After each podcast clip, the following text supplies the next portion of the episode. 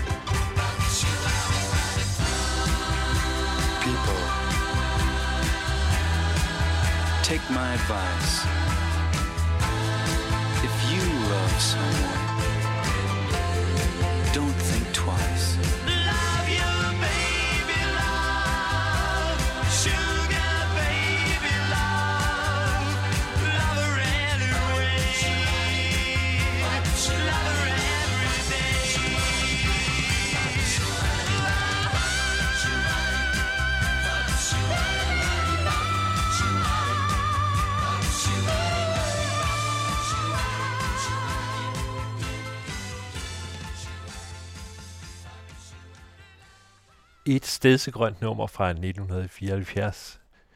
The Rubettes med Sugar Baby Love.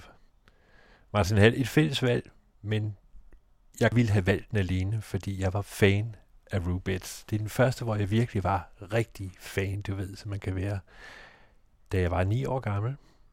Og jeg var fan i et års tid, og jeg nåede at se dem, da jeg var 10 år gammel. Jeg blev sendt med en rutebil fra Skagen til Jørgenhallen, og så så jeg Rubettes. Ah, det er smukt. Det er smukt. De plankede jo sig selv ved en lave nummer, der hed Tonight, kort efter. De lavede stort set det samme nummer en del gange, bare uden den der sygelige falsetstemme, som, som åbner og bærer det her nummer, som faktisk ikke engang er den sangeren i gruppen, som er en, der hedder Paul Da Vinci. Det er nemlig Paul Da Vinci, ja, lige. Det er en anden sanger. Og ikke Andy Williams, Nej, som så blev taget over. Præcis, så det er meget besynderligt. Og i og for sig er det en demo, tror jeg endda, at, øh, fordi det var ikke meningen, de, altså det var studiemusikere, ja. Bits, ikke? Jo, det var. Det var studiemusikere, der, der fandt ud af, at nu skulle de prøve at lave et hit, sådan, hvordan skære den efter alle tænkelige normer og regler. Og jeg kan huske, da jeg hørte den her, der har jeg været 11 år gammel. Jeg var vild med nummeret, men jeg kunne godt se, at den var helt gal. Altså deres trip med at stå i hvide jakkesæt og hvide sixpence-kasketter ja og røde skjorter. Altså det var så varmt, så selv mit 11-årige selv, der var begyndt at lytte til Bowie og andre grupper, som vi kommer tilbage til, altså tænkte, der er noget galt. Og det vil sige, i det år, 75 år efter, hvor du så var inde og se dem i Jørgen, der kom der kunne hjælpe med en film op, der hed Never Too Young to Rock. Sådan en film, der var fuldstændig skødesløst sammensat med en ekstremt dårlig handling, om, om at rockmusik var blevet forbudt i tv og radio, og så de her to helte, der er med i filmen, de skal så redde verden ved at arrangere en koncert med henholdsvis Rubets og The Glitter Band og Mod. Og, og jeg kan huske, at jeg var se den, og jeg måtte også bare spørge mig selv, hvad er meningen med det her? Og svaret var meget kort, der er ingen. det tror jeg sgu gerne. Jeg havde faktisk en plakat, jeg havde masser af plakater med Rubets, men så havde jeg også en med Paul da Vinci, og der havde jeg nemlig tænkt på, jeg havde et kæmpe stort projekt, som jeg aldrig fik realiseret, men jeg ville male Rubettes tøjet på ham simpelthen, for at få ham til at passe oh, ja. ind i, i gruppen. Det skal ikke, når man, øh, når, når man hører åbningen, så er jeg temmelig sikker på, at Bowie han plankede den ni år senere med Let's Dance. Det, jeg ved godt, det er en det almindelig, er, okay, det er en almindelig model, en men jeg tror ja. faktisk, at det, jeg kunne det har jeg ikke tænkt på. Det er muligt. Det. Men det er, jo, det er jo et nummer, der gør brug af alle kasserne og formlerne. Helt tilbage fra den voluminøse 50'er år mm. popmusik, og så start 60'er Phil Spector-lyden. Vi skulle nemlig nævne Phil Spector, som jo alle ja. taler om nu er tragisk, men det er Phil ja. Spector i det her. Ja, det er det. Øh, det, er det.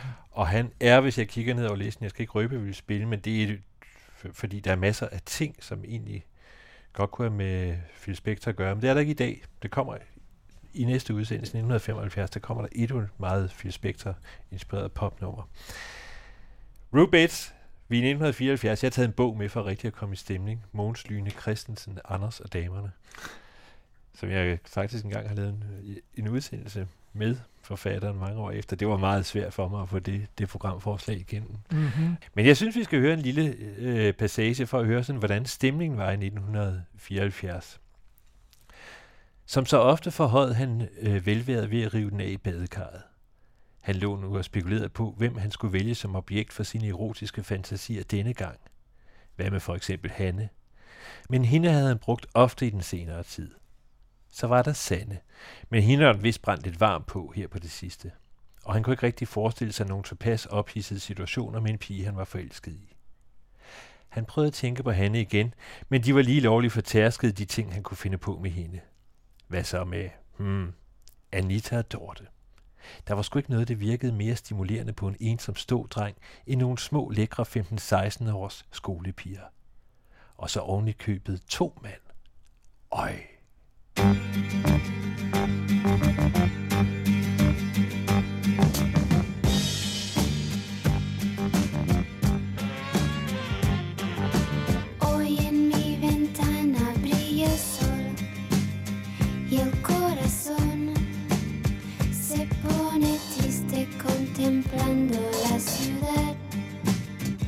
¿Por qué te vas?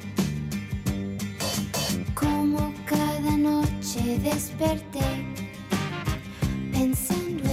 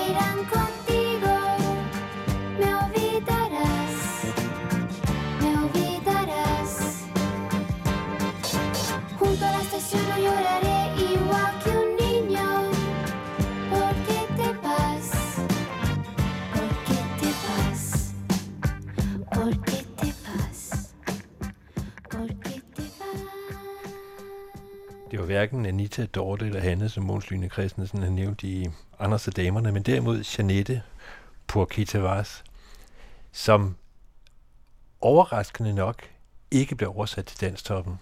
Det er en klassiker i Spanien. Mm. Det er min kone, der har lært det, hun er spansk lærer. Men der findes jo en video, du har også set den, ikke? Altså, Jo, man kan jo, jo. tydeligt se, altså også, hun kunne godt have været fra Danmark, rent påklædningsmæssigt i hvert fald. Altså, hun ligner sådan en sen hippie pige, ikke? Altså. Ja, det skal nok passe. Det kan jeg faktisk ikke huske, men det er meget kært klip. Ja. Jeg har beskæftiget mig en del med den latinske verden. Der var igen, altså nu begynder det virkelig, nu begynder numrene at stå i, i kø. Og jeg vidste ikke rigtigt, om det skulle være Janette eller Sikkers i Molhados, et brasiliansk øh, glamband. Men øh, så blev det Janette, der vandt. Det, sådan kan det gå. Skal vi gå videre? Så har du i mere en lummer afdeling. Jeg overhovedet ikke. Jeg, jeg sidder stadig i chok over din, din oplæsning af Anders og damerne. Jeg prøver stadig at få et Der er jo også meget spændende patient. Nej, bare rolig, jeg skal nok.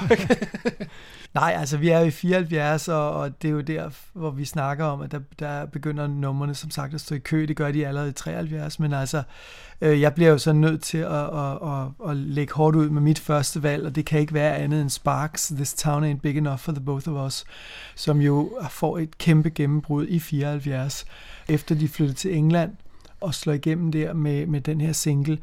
Og alt ved det band elskede jeg som 11-årig teksterne, det her panoramiske vy, de, de har nogle besynderlige, skizofrene tekster, som uh, kan være svære at, at, at, at få mening i, men, uh, men for eksempel This Town Ain't Big Enough. Der er en dramatik, jeg godt kan lide, sådan heartbeat, increasing heartbeat. You're a khaki-colored bombardier, it's Hiroshima that you're nearing. altså, der er drama fra starten. Og så var der en ting, også i forhold til de her 70'ere, nu læste du op af Anders og damerne, og vi snakker om Jeanette og hendes påklædning i tv-program, og vi snakker om Rubettes, der står der i deres hvide jakkesæt. Øh, da jeg fik min første Sparks LP her, der var jeg vild med omslaget også. For det første, der står intet om, hvad gruppen hedder. Der er ingen titel. Albumet hedder Kimono My House. Der er to japanske piger fra en dansetrup, der står i sådan en teatralsk positur. Og omslaget alene var bare så langt fra den periode. Jeg ved ikke, om du kan huske alle de her Roger Dean-omslag, ham der lavede omslag til Yes, sådan nogle science fiction-agtige tegninger af fjerne planeter. Og jeg var ved, det hang mod af halsen. Øh, Så da Sparks kom, det var visuelt, jeg forelskede med det, det var tekstmæssigt, og det var selvfølgelig især musikalsk, og det gik så langt, som jeg faktisk, at jeg kom ind og fik deres autografer. Øh, Jeg, jeg, var, jeg var inde og se Jeg dem. fik ikke Rubets. Nej, det, det er måske meget heldigt. det ved jeg ikke. Det. Men øh, jeg, jeg, jeg opsporede som meget ung dreng, jeg ved ikke rigtig, hvordan det lykkedes mig, det er jeg selv lidt imponeret over, men øh, da jeg var inde og se dem første gang i Tivolis koncertsal i slutningen af 74, der boede de på Plaza Hotel inde ved Hovedbanegården, og, og, og, og der var jeg så inde der i, i, i bidende kulde, øh, og stod og ventede, og øh, først kom gitarristen ud og fik taget billeder med folk, og det synes jeg ikke var så vigtigt. Men så på en eller anden måde fik jeg snydt mig ind i lobbyen, øh, i receptionen, og øh, stod pludselig sådan ansigt til ansigt med, med Ron Mail, den meget Adolf Hitler-lignende keyboardspiller og sangskriver i gruppen. Var du ikke angst til døde? Jeg kunne slet ikke tale næsten, men det viste sig, at han var et af de venligste mennesker, jeg nogensinde har stødt på. Og jeg tænker tit, hvad han har set i mig. En fuldstændig kikset 11-årig dreng med alt det forkerte, det forkerte haircut, det forkerte tøj, øh, der bare var vild fan, og jeg husker det som, som var det i går, og det er jo sådan nogle små oplevelser, der, der giver en vis blivende aficionado øh, stemning, når man først har forelsket sig i et band.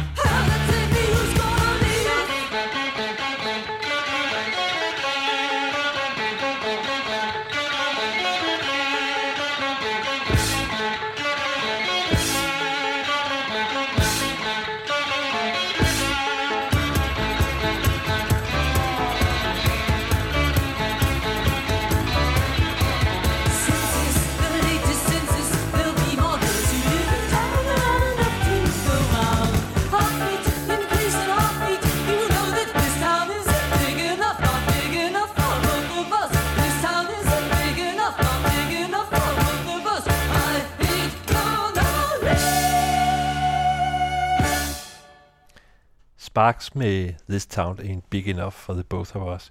De gjorde sig i lange titler. Er det samme år, de laver Never Turn Your Back to Mother's Earth? Øh, On Mother Earth, ja, det er det. On De, de Earth, ja. la- laver to albums på et år, så vidt jeg kan huske. Øh, Kimono My House of Propaganda, eller det gjorde de. Øh, Det første album kommer i starten, og det andet i slutningen. Og, og Never Turn Your Back on Mother Earth, det var så fra Propaganda-albummet. Mm-hmm. Som jeg synes er lydsporet til 70'erne, fordi Ja, Jeg kan huske det nummer, jeg boede i en lejlighed i 82, øh, hvor der var sådan, du ved, sådan en gammel mixbånd, mm-hmm. og det var allerede gammelt der, altså så jeg hørte, det, der var Never Turn Your Back nemlig Okay, på, ikke? jamen, Og så tænkte gud, ja, det var sgu Ja. da 70'erne, det var i 82, Ja. det var allerede, det er otte år senere, Ja, her ja. gud, ikke? Men det var lang, lang tid Jamen, jeg synes ikke? også, produktionen på det nummer er helt eminent, men altså, det er lidt tageligt at snakke for meget om, når folk ikke kan høre det i det her program, men der er sikkert mange, der kender det, af dem, der lytter til det her, så Ja. de vil vide det. De vil Om ikke det. andet i Billy McKenzies version. Nej, i Sparks' version. Det skal være i Sparks' version. Det er et fuldstændig fabelagtigt nummer. Det er jo ikke... øh, Den dag i dag, altså når man hører dem der, de, de har simpelthen så travlt med det, ligesom deres idéer står i kø. Ja. Altså, Og det er enormt vel sammenhæng, og produktionen øh, er, er meget, meget suveræn, synes jeg. Det ja, står den der splitrende guitar, ja. der kommer mig i... øh. Ja. Vi er glade. Vi er bestemt glade. Jeg har jo et eller andet princip med i de her udsendelser. Jeg synes også, at Danmark skal være repræsenteret. 1974 var ikke, hvis vi tænker pop Danmark, var ikke noget øh, stort år sådan umiddelbart. Men så, altså i hvert fald ikke, vi- hvis vi taler om dansk toppen. Den var måske også ved at puste ud. Når man taler om dansk toppens skyldende ære, så kørte den sandsynligvis kun fra 68 til 73. 73 husker jeg som værende det, det store år i hvert fald. Ja, men så begyndte det hurtigt sådan, altså så Mhm. begyndte mm-hmm. Kommersielle interesser at tage over, så blev det mediemusik, altså i ordets onde betydning. Jeg menes ikke, den var på, på dansk toppen, men det er også blevet en klassiker. Det, der er det spændende ved 70'erne, det var jo virkelig, altså vi har, det er jo året efter p-pillen og før AIDS. Det, er sådan, man, kan- det kan man godt mærke, når man læser Mogens Lyne Christensens og Anders og Damerne, ikke? Jo. Men det er også på en eller anden måde et gudløst årti. Ikke? Altså jeg blev for eksempel konfirmeret Nej, i 78-79, fordi det, det gjorde man ikke. Det var noget borgerligt noget. ja, det var det. Men man kan jo ikke, når man nu ikke har Gud, så bliver man jo så nødt til at, at opfinde ham på en anden måde. Altså lave en religiøs sang uden Gud. Og ingen har herhjemme gjort det flottere end Allan Mortensen og hans musikalske venner. Vi kan tænke, hvad vi vil. Der er ting, vi ikke kender. Hvem ved, hvad der hænder, før dagene ender. Vi kan leve, som vi vil. Mennesker mødes, mennesker skilles.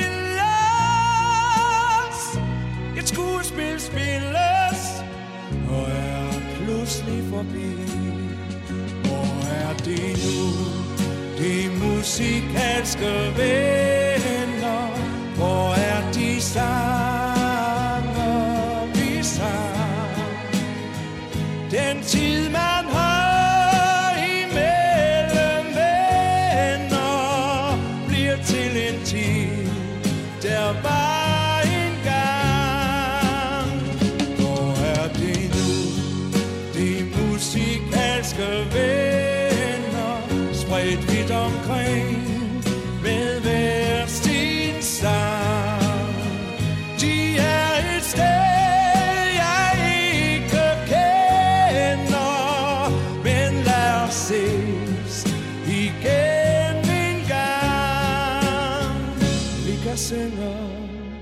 Som vi vil. Gribe nu nuets melodier. Lad dem vide, hvem vi er. De mennesker, der siger, her er glæden strengt forbudt. Ikke synge, ikke danse, men lad vi os danse. Nej, vil gør vi her og syng i musikalske venner. Kom her og syng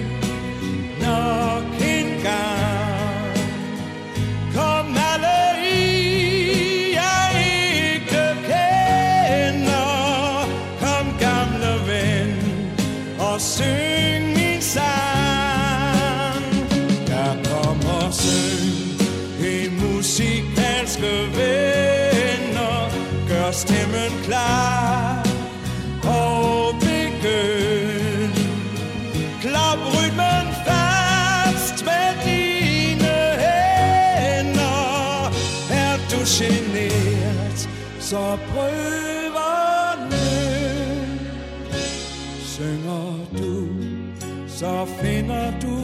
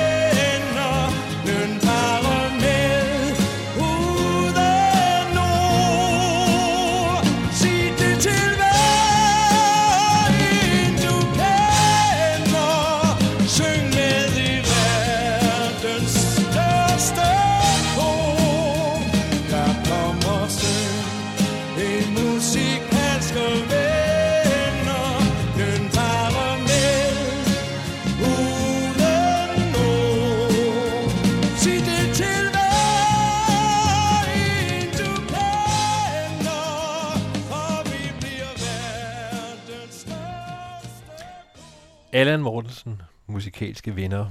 En gudløs gospel, vil jeg kalde den for. Ja, og han, var det ikke også ham, der slog igennem i gospel, eller var det? Det var Jesus Christ Superstar først, men jeg mener, han også med i gospel senere, så Det er det helt klart, at de her og Jesus Christ, den ligger, så det kan man høre. Ja, altså, det, det er fuldstændig op ad den, den planche der, og man kan også høre, jeg tror, det er en gammel syvtommer, vi har fået fat i, man kan høre sådan, det står, det tager virkelig fat, når han, når han griber om stemmens fulde styrke, øh, men det, det er jo kun med til at give patina til det, vi lytter til.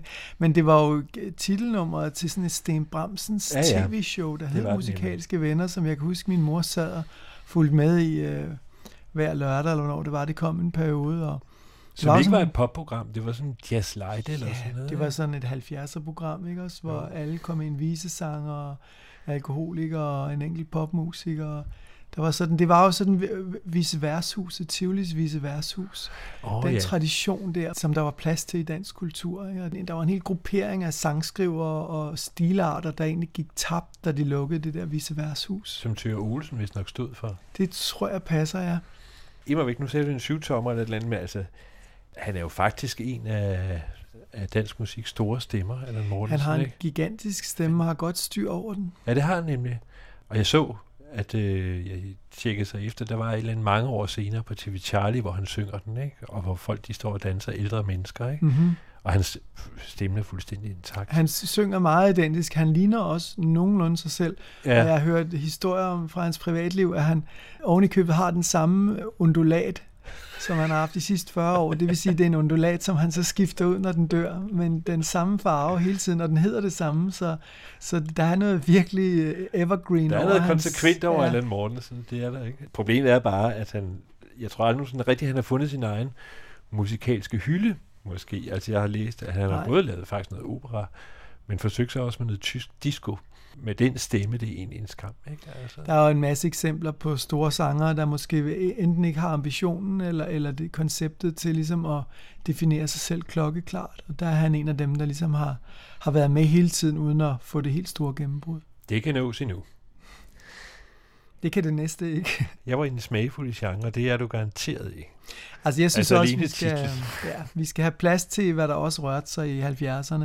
Og, og mit næste valg her, det er en fuldstændig ukendt kalifornisk manuskriptforfatter, maler og musiker, der har arbejdet i ja, komplet ukendthed de sidste 40 år. En mand, der kalder sig Louis Louis, som lavede et enkelt album i hele sit liv, og jeg har tænkt mig at spille titelnummeret fra albummet, og nummeret hedder bare El Touchy, og øh, allerede der begynder vi at være derhenne af. Ikke? Han har skrevet en, øh, og medvirket i en enkelt film, og han har sågar givet hånd til Elvis Presley, men det er sådan set øh, også stort set alt, hvad man kan finde ud om ham. Ellers har han spillet live på forskellige restauranter, i lounges og i countryklubber i 3-4 årtier, og efter sine stadig i gang Uh, han udgav åbenbart en håndfuld singler i 70'erne, men jeg stødte på den her plade senere, det skal så siges. Ikke nok med, at det er en, en kuriositet, så synes jeg simpelthen, at instrumenteringen på nummeret er helt forrygende. Og hvis man som lytter prøver at stifte bekendtskab med de mange forskellige roller i instrumenteringen, der, der dukker op, så er den kakafonisk på en virkelig interessant måde, og vigtigst af alt, Louis Louis spiller selv det hele. Hi, my name is Louis Louis, and I'm here to tell you about a new dance called the Touchy. It is a wonderful idea for people to get together and touch. You can dance now touching hand to hand, foot to foot, uh, shoulder to shoulder, nose to nose, ear to ear, or foot to nose, or what have you. I made this recording all by myself. I play every instrument that you will hear, including harps, bells, scratchers, Moog synthesizers, and what have you. The first thing I have to tell you is this. A touchy, to be a touchy, must have a wild trumpet introduction.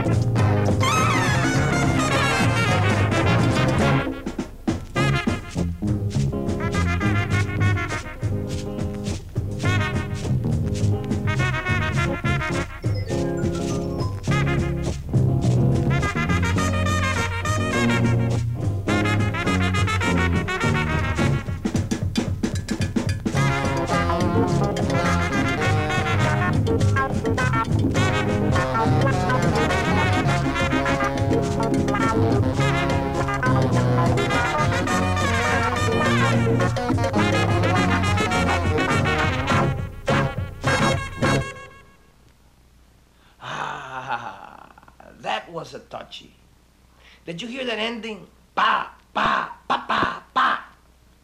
Unless it has that ending, it is not a touchy. And I'll tell you why. That ending, pa, pa, pa, pa, pa, means one, two, touch no more. And that's how you break. And that's how you stop. Otherwise, you would keep touching and touching and touching. Og det fortalte Louis Louis om sin egen komposition, går jeg ud fra. Ja, ja. El Touchy, ikke? Ja. Hvis han havde lavet det i dag, så havde det været sådan en YouTuber eller sådan Ja, noget. ja, du altså ved, han, har haft 3 millioner visninger. Jeg synes, det er helt forrygende. Jeg synes virkelig, det er originalt, og jeg synes, der er en musikalitet i den der øh, tekniske afmagt, som tydeligvis præger indspillingen, men øh, Korsvær elsker den. Kan jeg vide, om det er optaget på sådan en firespors kassettebåndoptager? Eller? Ej, der er jo en del instrumenter, så jeg Det- tror, han har været et rigtigt studie. Øh, Jamen, Jeg har set billeder af ham, hvor han også sidder med et enormt arsenal af keyboards og trompeter og sådan mm. Mm-hmm. Ja, men det er nemlig fordi, hvad vi senere kommer ind på, fordi produktionen er ikke rigtig fremme. Altså, det var, vi er jo militært i analog dage, ikke? Så det Jo, været- jo, folk skulle være meget op- opfindsomme for at kunne lykkes med, med de her utrære indspilninger. Jeg tror ikke, Louis Louis, han solgte særlig mange plader. Han så længe, nej. Det gjorde den næste kunstner heller ikke. Og hun, jeg vil ikke sige, at hun er med på et afbud. Tværtimod, så bevægede hun sig lige pludselig foran i rækken, fordi jeg ville egentlig have spillet øh, et nummer med Kevin Ayers. Det kommer jeg indirekte også til, fordi det er Kevin Ayers store år. Altså, han laver sin sidste store studie-LP, hvor han selv spiller sammen med, synger sammen med Nico en duet, hvor Mhm. Nico i øvrigt var, har man lært, har læst mig til, så skæv, så hun må ligge på gulvet, mens hun sang simpelthen. Han laver så, øh, eller han er hovednavn ved en af de berømte live-LP'er, June 1st, 1974, ikke? Altså præcis. sammen med Brian Eno og Ja. John Cale og, Og og Nico, og, og Nico også her, ikke? Øh, så i øvrigt en koncert, som var lige ved at gå galt, fordi Kevin Ayers, han var en dameglad mand, Mhm. mm. så han blev taget i seng med John Cales kone. Ja, det kan jeg huske. Og billedet på forsiden, der er taget af Mick Rock. Det Det, ser ikke ud, som om de har det skide nej, godt. den udveksling af blikke der, det er hemmeligheden bag det, Det er nemlig det hemmeligheden motiv. Bag det. Og man så har været i seng med Lady June, som vi nu skal høre, det, ja, det skulle ikke undre mig, men øh, altså han lavede en sideproduktion, også i 74, med Lady June, en ualmindelig øh, charmerende plade, Mm. som udkom i 4.000 eksemplarer. 5.000. Var det 5.000? 5.000. Var det Ja. 5.000? Ja. Okay, okay, jeg skal, nu skal vi heller ikke være mere er dernede. end det er, men, men som, så blev udsolgt, hvilket overraskede alle. Ja, Der er en af Lady Junes venner, der har sagt sådan, jeg kan, jeg kan ikke sige, om jeg holder af pladen, men jeg er glad for, at den findes. ja. Og det er vi to her i studiet, der bestemt også er.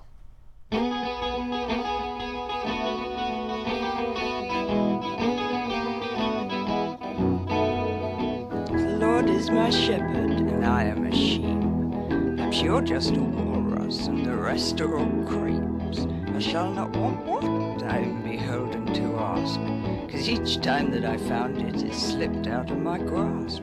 Beside the still waters, I searched for the Lord, but after a lifetime, I began to get bored.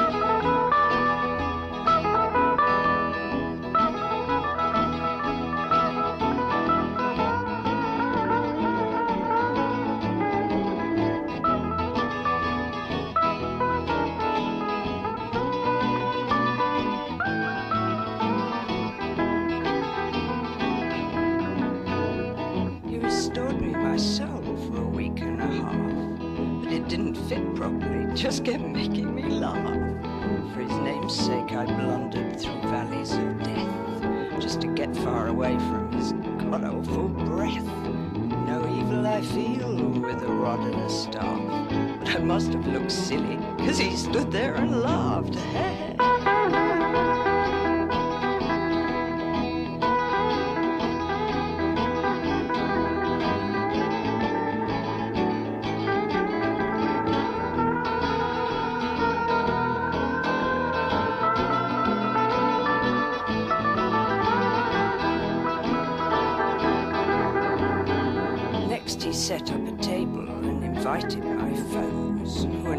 my head with a bloody wet rose.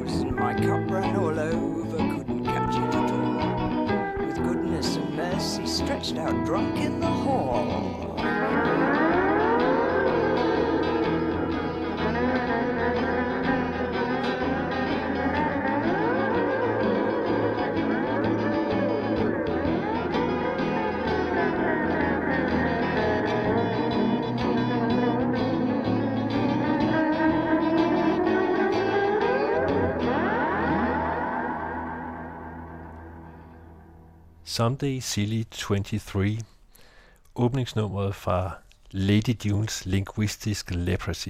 ja, det er en fantastisk titel, altså Linguistic Leprosy. Både LP-titlen, men egentlig også Someday Silly 23, hvad pokker det så betyder, ikke? Det kan man tænke over, ja. Hvem skal starte med at rose lidt i June?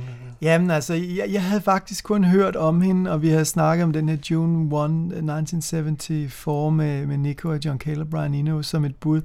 Men, men den, her- det her album dukkede så pludselig op, og jeg fik sat mig ordentligt ind i det, og det er jo helt forrygende. Det er indspillet i hendes egen lejlighed, der hvor Kevin Ayers også boede. Han boede i samme lejlighed som hende. Hun havde sådan et, hun var en bohemkunstner, og hun havde en, en, en stor lejlighed i Maida Vale-området, sådan et ret fint område af London, hvor de simpelthen har indspillet den her plade øh, i for efter sine 400 pund. Som også, og den lejlighed var også berømt, fordi øh, Ja, Kevin Evers var med i øh, Soft Machine. Soft Machine, hvor Robert Wyatt Ja, også var med. Og det er nemlig det tragiske. det er jo så det tragiske, Ja. for i 73 holdt Lady June fest. Hun holdt ofte fester, Ja, Ja. hun holdt endnu en fest. Ja. Ja. Vi. og det var så der, hvor Robert Wyatt faldt ud fra fjerde og, og knækkede ryggen og blev lam fra, fra taljen og ned efter. Ikke? Jo, Så ikke så godt for en trommeslager. ikke særlig godt, nej. Og han, altså Robert Wyatt er jo en person, vi desværre har undladt at spille i vores række her. Han kunne jo sagtens have været inde over i nogle af Og de her år. specielt her i 74, hvor han laver Rock Bottom, som siges at være hans, hans hovedværk. hovedværk, som er nemlig skrevet efter det her fald. Ikke? Så øh, det er jo sådan nogle hårde valg, man må tage. Vi prøver også at kolorere tidsånden ud fra et dansk perspektiv, og det ene med det andet. Men jeg synes, det her var et virkelig fantastisk øh, valg, Søren, så der er kun én ting at sige, det er touché. Tak skal du have. Øh, Den er jo så blevet genudgivet. Jeg, altså, jeg, jeg vil sige, at den er meget kult. Ja. Fordi ellers, altså, så må jeg sige, ellers havde vi sgu kendt den i forvejen. Mm, ja. Øh, men den er altså siden, siden blevet udgivet på CD, og den var også på min øh, musikmaskine. Og så udgav hun senere øh, nok en LP, Hit and Myth, og lavede vist også noget andet med øh, Kevin Ayers. ja, hun gjorde, og hun reciterede jo, hun var jo en digter, men primært en maler, og flyttede i, på, også delvis på grund af den her tragiske hændelse med Robert Wyatt, så nogle år senere flyttede hun permanent til Mallorca, hvor hun var, havde boet som barn, og stiftede et nyt kunstnerisk kollektiv dernede, hvor hun Mm. har udstillet til hun døde i 99. Hun døde i 99, og døde vist nok lykkelig. Altså, det, det læste jeg stedet. Der havde Hun- været en smadret god fest, hun tænkte, nu kan det ikke blive Nej, hun, mere. hun, hun havde arrangeret en stor udstilling, der skulle åbne, og hun havde sagt til en af sine bekendte kort tid inden, at øh, det hele var så velarrangeret, så selvom hun faldt død om nu, så kunne udstillingen godt øh, ske. Mm. Og det gjorde den så også, fordi hun faldt død om kort tid inden udstillingen skulle åbne. Så Lady June, hun døde lykkelig. Det er en pragtfuld plade, og som måske, altså som jeg har læst mig til, så producerer Brian Eno faktisk, han er jo medmusikant Ja. ja. på, på pladen, han producerer vist et par af sangene derpå. Altså, det er en meget, meget fascinerende plade. Ja, altså jeg Ja. synes helheden er, er langt bedre end, end, end, end det her åbningsnummer, vi spillede, men det, det sætter ligesom tonen. Alt for ikke lytterne. Ja. Alt for lytterne. ikke? Præcis. Til gengæld så er det egentlig, fordi Kevin Ayers, der ham havde, jeg havde forberedt helt vildt meget på Kevin Ayers, så jeg blev nødt til, altså han lavede en masse, masse gode plader fra 69 og frem til 74, og så går det gradvist ned, og i 80'erne, altså der går det så meget ned, som man synes, altså Bowie's Tonight er et mesterværk i forhold Nå, til det der. Ja. Og bliver altså simpelthen, det, altså han var jo sådan en strandfyr simpelthen. Gik, Jo. i vi jo allerede altså været i seng med Nico, været i seng med John Cales kone, sandsynligvis været i seng med Lady June, for uden en masse, masse andre. Og døde så, ja, hvad er det, det vi, har været en 7-8 år siden eller sådan noget. Jeg vil godt lige læse lidt, som Jan Poulsen har skrevet om Kevin Ayers, hvor han skriver, at Kevin Ayers fik aldrig øh, det store, brede gennembrud. Men øh, var den britiske sanger samskrevet med mere Kevin Ayers død som ung, som kollega Nick Drake, eller blevet en grøntsag som vennen Sid Barrett, ville han utvivlsomt være en, le- en legende i dag, som gamle aficionados og nye generationer med hang til kult ville dyrke betingelsesløst. Sådan er det ikke. Kevin Ayers største ulykke var, at han hverken døde spektakulært eller ung, og han var heller ikke ambitiøs, som han skrev i sangen Am I Really Myself fra LP'en Falling Up. I've got no ambition, guess I'm out of space, cause I'd rather go fishing than run in the race. Det, er, jeg læste nogle interviews med ham til sidst. Det er virkelig, virkelig tragisk. Altså totalt alkoholisk, der bor han så i Sydfrankrig. Og der altså, ligger han støvede plader fra den gang. Ikke? Altså, og så finder han guitar frem, kan ikke huske teksterne eller akkorderne til, til sin gamle sanger. Og sådan noget. Men egentlig, altså en fremragende, han, han kan have en stemme, der minder om uh, Leonard Cohen. En Leonard Cohen med kant. Okay. Endnu en dame, Ja, nu lidt hopper mere kendt. Ja, fordi der, nu har vi lige fået en tragisk historie. Det her det er jo så en historie, der er gået noget bedre, forløbig i hvert fald. Fordi nu er vi 74, og der er jo det held, at Patti Smith faktisk udgiver sin debutsingle i 74 en lidt skuffende A-side på den, Hey Joe, en indspilling af, af det nummer, som Hendrix, Jimi Hendrix gjorde kendt, men ikke selv skrev. Mm. Jeg blev så først bekendt med Patti Smith året efter med hendes Horses album, men øh, B-siden Produceret af Cale. John, for- produceret for John Cale, Få det ja. hele til at ja, passe sammen. præcis, Ikke? jo. Og blev især begejstret for et, for et album, der ikke er så rost med hende, der hedder Radio Ethiopia i, fra 1976, som jeg var meget begejstret for. Jeg forstod ikke rigtig titlen på det, men det viste sig, at det var på grund af hendes øh, fascination og hengivenhed til Arthur Rimbaud. Han havde boet i Etiopien i 10 Mm. år, fra 27 årig til han døde som 37-årig af knoglekræft. Det her nummer, som, som vi skal høre, det er B-siden af hendes første single, der hedder Piss Factory, som er en selvbiografisk skildring af den måde, hun ligesom klarede dagen og vejen på i New York, da hun flyttede dertil. Hun har jo skrevet en hel bog sidenhen om sine unge dage i New York sammen med Robin Mapplethorpe, den senere meget, meget kendte fotograf. Og bogen Just Kids, der udkom i 2010, fik jo også den meget prestigefyldte National Book Award. Og det er en meget øh, rørende bog at læse, og jeg, jeg var især slået, øh, da jeg læste den af, hvor lidt bitterhed hun har i sit system. Det er meget, meget slående i forhold til utrolig mange biografier, jeg har læst. Men jeg var meget begejstret, da jeg hørte det her nummer Piss Factory senere, fordi jeg synes, det inkorporerer både det lidt faretroende og, og den her øh, øh, tradition, som hun jo er som den her gryende punkdigter. Øh, Der er et klip med hende i Martin Scorsese-filmen uh, Rolling Thunder Review om Bob Dylans 1975-turné, Mm. hvor hun er en del af holdet også, hvor der er en indspilning med hende, hvor, der, hvor hun står og læser op meget tidligt i New York, som er ret inciterende, men uh, tilbage til nummer, vi skal Det er jo høre. ikke nogen troværdig film, skal vi sige. Men det er Nej, det er det ikke. Nej, nej, men der er masser af interessante klip i, og det skal Mhm. bare tages øh, ud af kontekst. Men det er rigtigt nok. Det er Patti Smith, der står og læser. Det er dog hende, ja, Ja. i modsætning til mange af de andre historier, der er fabrikeret. 16 in time to pay off. I get this job in a piss factory inspecting pipe. 40 hours, $36 a week, but it's a paycheck, Jack. It's so hot in here, hot like Sahara. You could faint from the heat, but these bitches are just too lame to understand. Too goddamn grateful to get this job to know they're getting screwed up the ass. All these women that got no teeth and gum or cranium, and the way they suck hot sausage. But me, well, I wasn't saying too much neither. I was more a schoolgirl, hard working asshole. I figured I was speedo motorcycle, had to earn my dough, had to earn my dough. But no, you gotta, gotta relate, right? You gotta find the rhythm within. Floor boss slides up to me and he says, Hey, sister, you're just moving too fast. You're screwing up the quota. You're doing your piecework too fast. Now you get off your Mustang, Sally. You ain't going nowhere. You ain't going nowhere. I lay back. I get my nerve up. I take a swig of and I walk up to hot shit dot hook and I say, Hey, hey sister,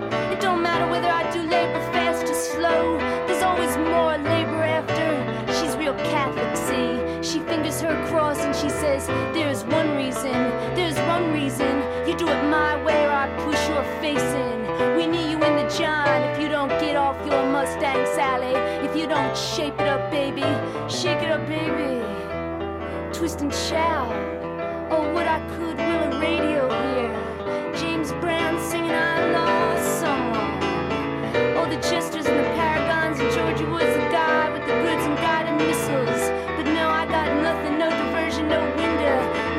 but a porthole in the plaster, in the plaster. Where I look down, look down at sweet Teresa's convent. All those nurses, all those nuns scattered around with their bloom hoods like cats in mourning. Oh, to me, they, you know, to me, they look pretty damn free down there. Down there, not having to press those smooth, not having to smooth those hands against hot steel, not having to worry about the in speed, the dogma, the in speed of labor. Oh, they look pretty damn free down there. They smell. And here I gotta be up here smelling dot, hooks, midwife, sweat. I would rather smell the way boys smell. Oh, those schoolboys,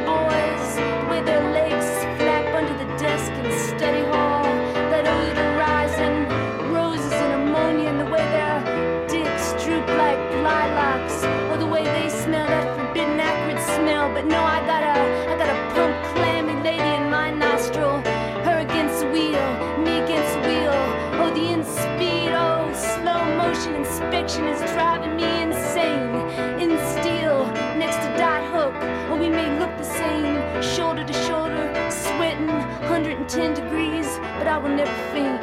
I will never faint. They laugh and they expect me to faint, but I will never faint. I refuse to lose, I refuse to fall down. Because you see, it's the monotony that's got to me. Every afternoon, like the last one. Every afternoon, like a rerun. Next to Dot Hook, and yeah, we look the same. Both pumping steel, both sweating. But you know, she got nothing to hide. And I got something to hide here called desire. I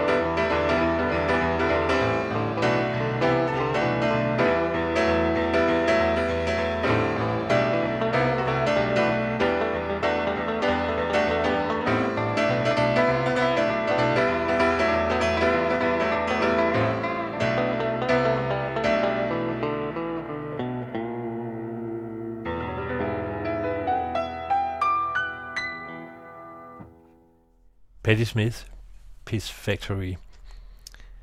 Jeg tænker sådan alt respekt for Lady June, vi hørte før, men man kan godt høre, Patti Smith, hun kan det der. Altså, det er virkelig... Det sidder i blodet på hende. Ja, det må man sige. Ja. Ja. Det er ligesom, om hun bare træder ind, og så er hun der. Ja. Ja. Du nævner altså, hun er sammen med Bob Dylan der allerede Ja. ja. i, i midt-70'erne. Der har hun dårligt nok lavet en plade. Det har hun jo ikke, og hun er fuldstændig uforfærdet. Ikke? Jo. Så øh, hun har en, en, en, en tiltro til sig selv, som er misundelsesværdig. Ikke? Og egentlig, hun er svær at rubricere, i hvert fald i dag, ikke? Altså, fordi altså, Jo. det, er jo, det, er jo sådan en, man, man øh, tænker sådan, det gamle salglærer publikum kan lide, ikke? Men hun er jo også sådan en, der så kunne læse op, op på Louisiana, for eksempel, ikke? Ja, altså bogen øh, Just Kids der fra 2010, den har jo gjort enormt meget for hende. Det, det pussy er jo, det er jo faktisk hendes allermest succesrige udgivelse overhovedet, hvis du også tager i forhold til hendes diskografi. Så selvom hun er kendt som rockmusiker, så er det faktisk mm. bogen, der har slået hendes navn allermest fast. I hvert fald for et nyt publikum også, I, ikke? I hvert fald jo, men også sådan helt i salgsmæssigt og det ene med det andet.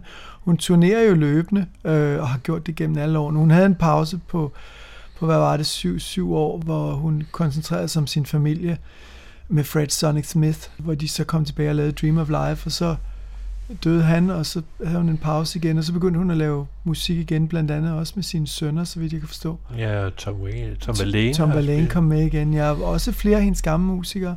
Så hun har været i gang uafbrudt og er et enormt godt eksempel på, på en person, synes jeg, der er blevet ved med at bevæge sig. Øh, Når man ser interviews med hende den dag i dag, er hun jo en person, der er fuldt ud tilstedeværende og, og i live. Jeg har så også læst nogle af de senere bøger efter Just Kids-bogen, og der synes jeg måske, hun går lidt i selvsving i nogle af sine bøger, hvor det er meget omkring sin øh, poetiske helte og, og drikke kaffe på de her små steder, hun sidder mm. Og frekventerer, og det bliver lidt det samme. Mm. Øh, men altså stadigvæk... Louisiana-tingen tager over, eller? Ja, måske. Men altså et imponerende øvre og en øh, ja, beundringsværdig kvinde.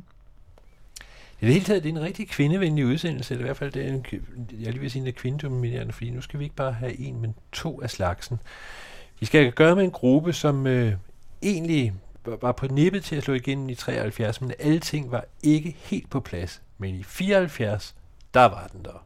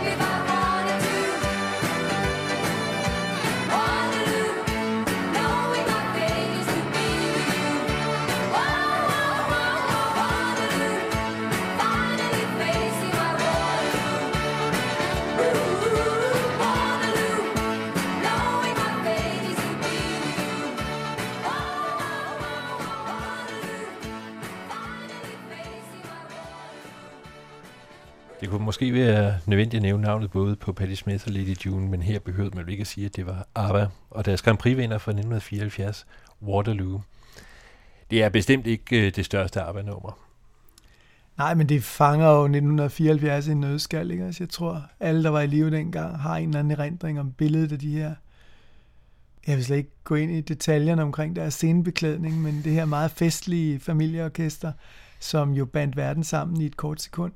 Så det, var, det er jo på den måde perfekt tidsbillede. Det er ikke bare et tidsbillede, fordi det, det, det, det siges, at det nummer, det fornyede Grand Prix-sangeren. Jeg er ikke så meget inden for... Øh, jeg har ikke, altså, Melodien Grand Prix er ikke noget, der interesserer mig specielt meget, men altså, jeg så en udsendelse med arbejde, der var faktisk flere udsendelser lige i træk, og der nævner de, at øh, alt var planlagt. Altså, de havde lavet Ring Ring året forinden, men den vandt ikke, og de var heller ikke helt på mærkerne. Men her var det hele simpelthen planlagt øh, på grund af deres mand, Stikan Andersen. Det var noget, han havde planlagt i overvis. Mm. Allerede en uge efter er den på danstoppen med Licia Lucien i en dansk oversættelse. Nå, og det er jo simpelthen fordi, han vidste, at det her, det ville vinde. Ja. Ikke?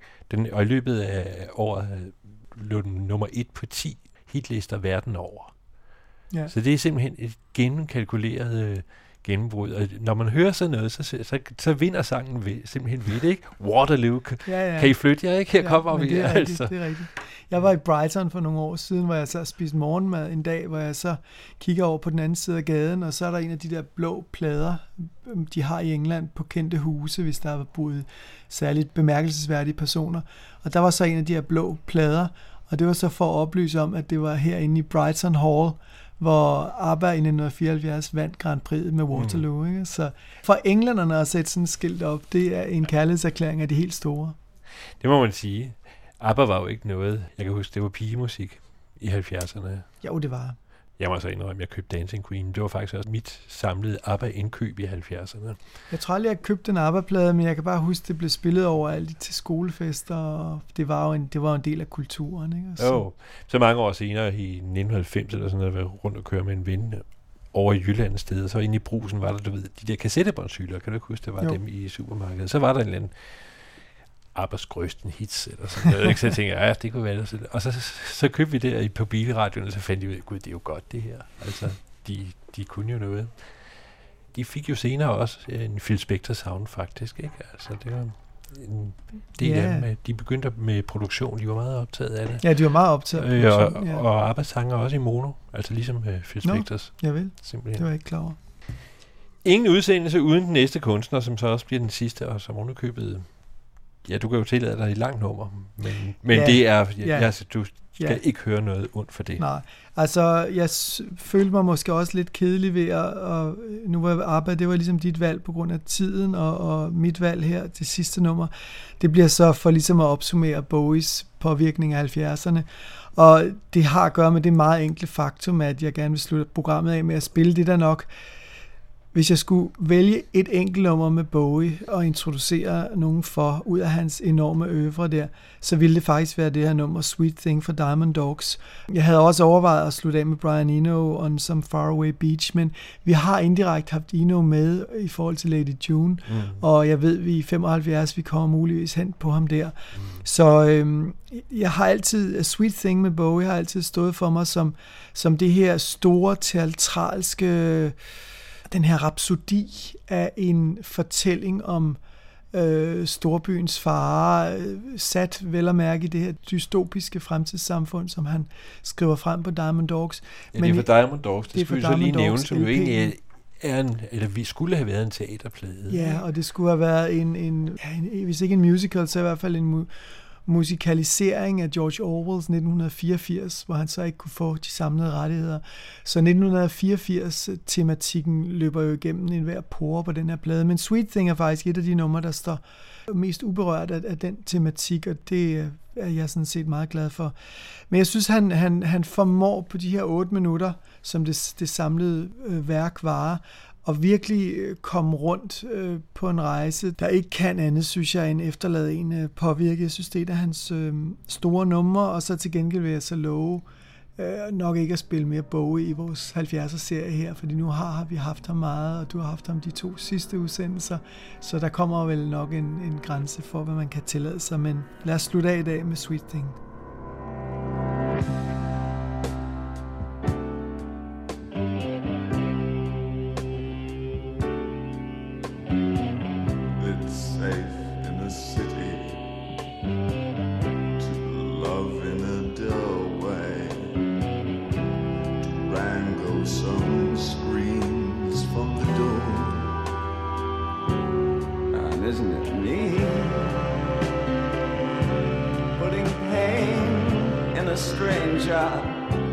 like a portrait in flash, uh, trails on a leaf.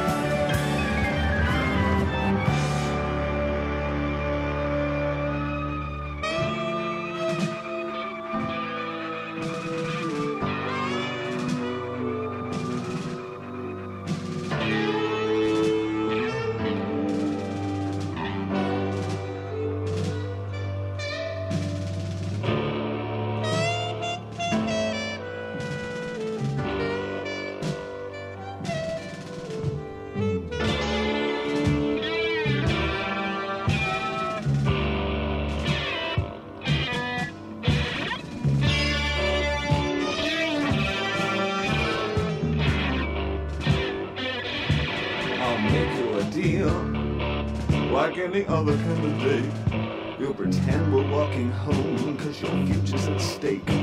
My set is amazing, it even smells like a street. There's a bar at the end where I could meet you and your friend. Someone scrawled on the wall, I smell the blood of late tree cutters. Wrote up scandals in other bars. We're having so much fun with a wife and his song, make you sing, and some make you scream. One makes you wish that you've never been seen, but there's a shop on the corner.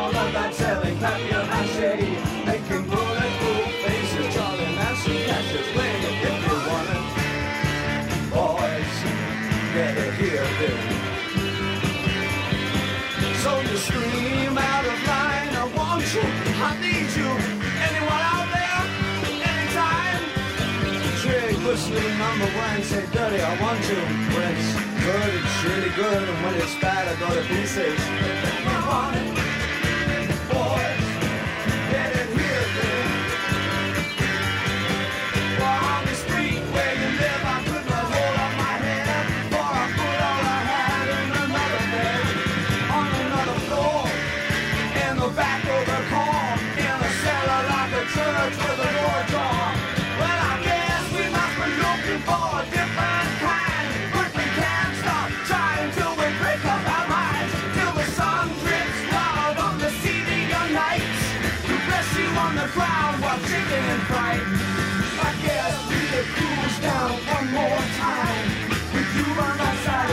Fine. We'll buy some drugs and watch a band and jump in a river holding hands.